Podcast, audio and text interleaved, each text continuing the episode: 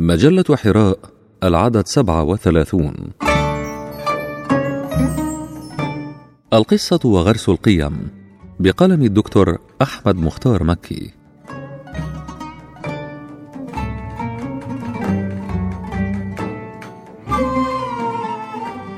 إن القصة وسيلة من الوسائل التربوية لإعداد النشء بل تعد من أقدم هذه الوسائل. وقد استخدمت القصة في التربية على مر العصور الإنسانية واستقر رأي رجال التربية وعلماء النفس على أن الأسلوب القصصي هو أفضل وسيلة نقدم عن طريقها ما نريد تقديمه للأطفال سواء أكان قيما دينية أم أخلاقية أم توجيهات سلوكية أو اجتماعية. وتحتل القصة المرتبة الأولى في أدب الأطفال. ولقد أثبتت معظم الدراسات أن القصة هي الأكثر انتشارا بين الأطفال وأن لها القدرة على جذب انتباههم فهم يقرؤونها أو يستمعون إليها بشغف ويتابعون أحداثها بمتعة وتركيز وانفعال وينخرطون مع أبطالها ويتعاطفون معهم ويبقى أثرها في نفوسهم لفترة طويلة.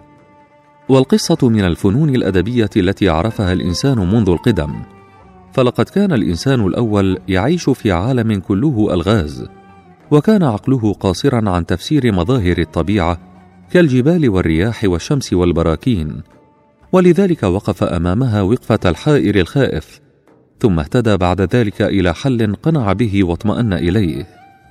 فمنح الجماد روحا كروحه وتخيله يعيش كما يعيش وفي سبيل ذلك أنشأ الأساطير وما الأسطورة سوى القصة الخرافية وعلاقة الطفل المسلم بالقصة ليست حديثة.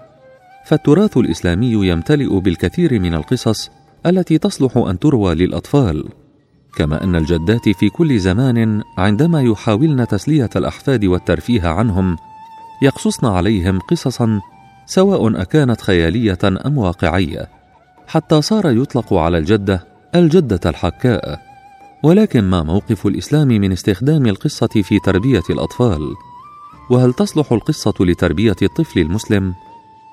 إن الإسلام لم يهمل القصة كوسيلة تربوية وقد أدرك المسلمون ما للقصة من تأثير ساحر على القلوب فاستغلوها لتكون وسيلة من وسائل التربية والتقويم واستخدموا كل أنواع القصص القصة التاريخية والقصة المقصودة بأماكنها وأشخاصها وحوادثها واستخدموا القصة الواقعية التي تعرض نموذجا لحالة بشرية فيستوي أن تكون بأشخاصها الواقعيين أو بأي شخص يتمثل فيه ذلك النموذج. والقصة التمثيلية التي لا تحمل واقعة بذاتها ولكنها يمكن أن تقع في أي لحظة من اللحظات وفي أي عصر من العصور. وحيث إنه عن طريق القصة يمكن غرس الفضائل والقيم والمثل العليا والسلوك القويم في عقول الأطفال ونفوسهم فإن القصة تصبح أداة صالحة لتربية الطفل المسلم. ولكن من أين نستقي القصص للأطفال؟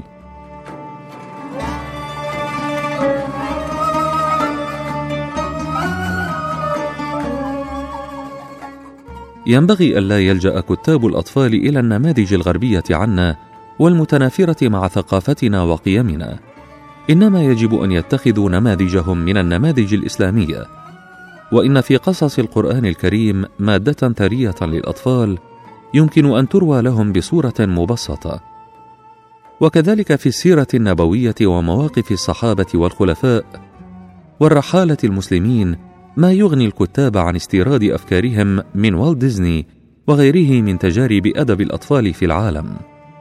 ولو نظرنا نظرة متفحصة لقصص القرآن لوجدنا فيها ما يحقق أهداف التربية الإسلامية بجوانبها الروحية والأخلاقية والاجتماعية والاقتصادية والسياسية والعلمية. وتتميز القصة القرآنية عن سواها بثبوت الوقائع المسرودة وعظمة الأداء المعجز والأسلوب الذي لا يبارى كما تتميز بإقرار النتيجة أو العبرة صراحة كما أن في سيرة الرسول صلى الله عليه وسلم ما يكفي لتحقيق الغايات التربوية المنشودة لتربية الطفل المسلم. وأستطيع أن أشير إلى بعض الأمثلة والاستنتاجات التربوية للقصص الديني في تربية الطفل المسلم على سبيل المثال لا الحصر. إذا كانت التربية تهدف إلى إكساب الطفل قيمة الأمانة فإن في قصة تجارة الرسول صلى الله عليه وسلم في أموال السيدة خديجة رضي الله عنها لعبرة وعظة. إذا كانت التربية تهدف إلى إكساب الطفل قيمة العفو والتسامح فإن في موقف الرسول صلى الله عليه وسلم من أهل مكة يوم الفتح مادة ثرية تصلح لغرس هذه القيمة في نفوس الأطفال.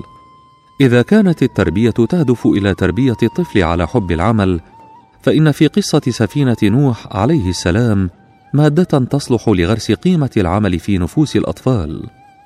إذا كانت التربية تهدف إلى تربية الطفل على التفكير العلمي وإعمال العقل فإن في قصة إبراهيم عليه السلام ما يكسب الطفل هذه السمة.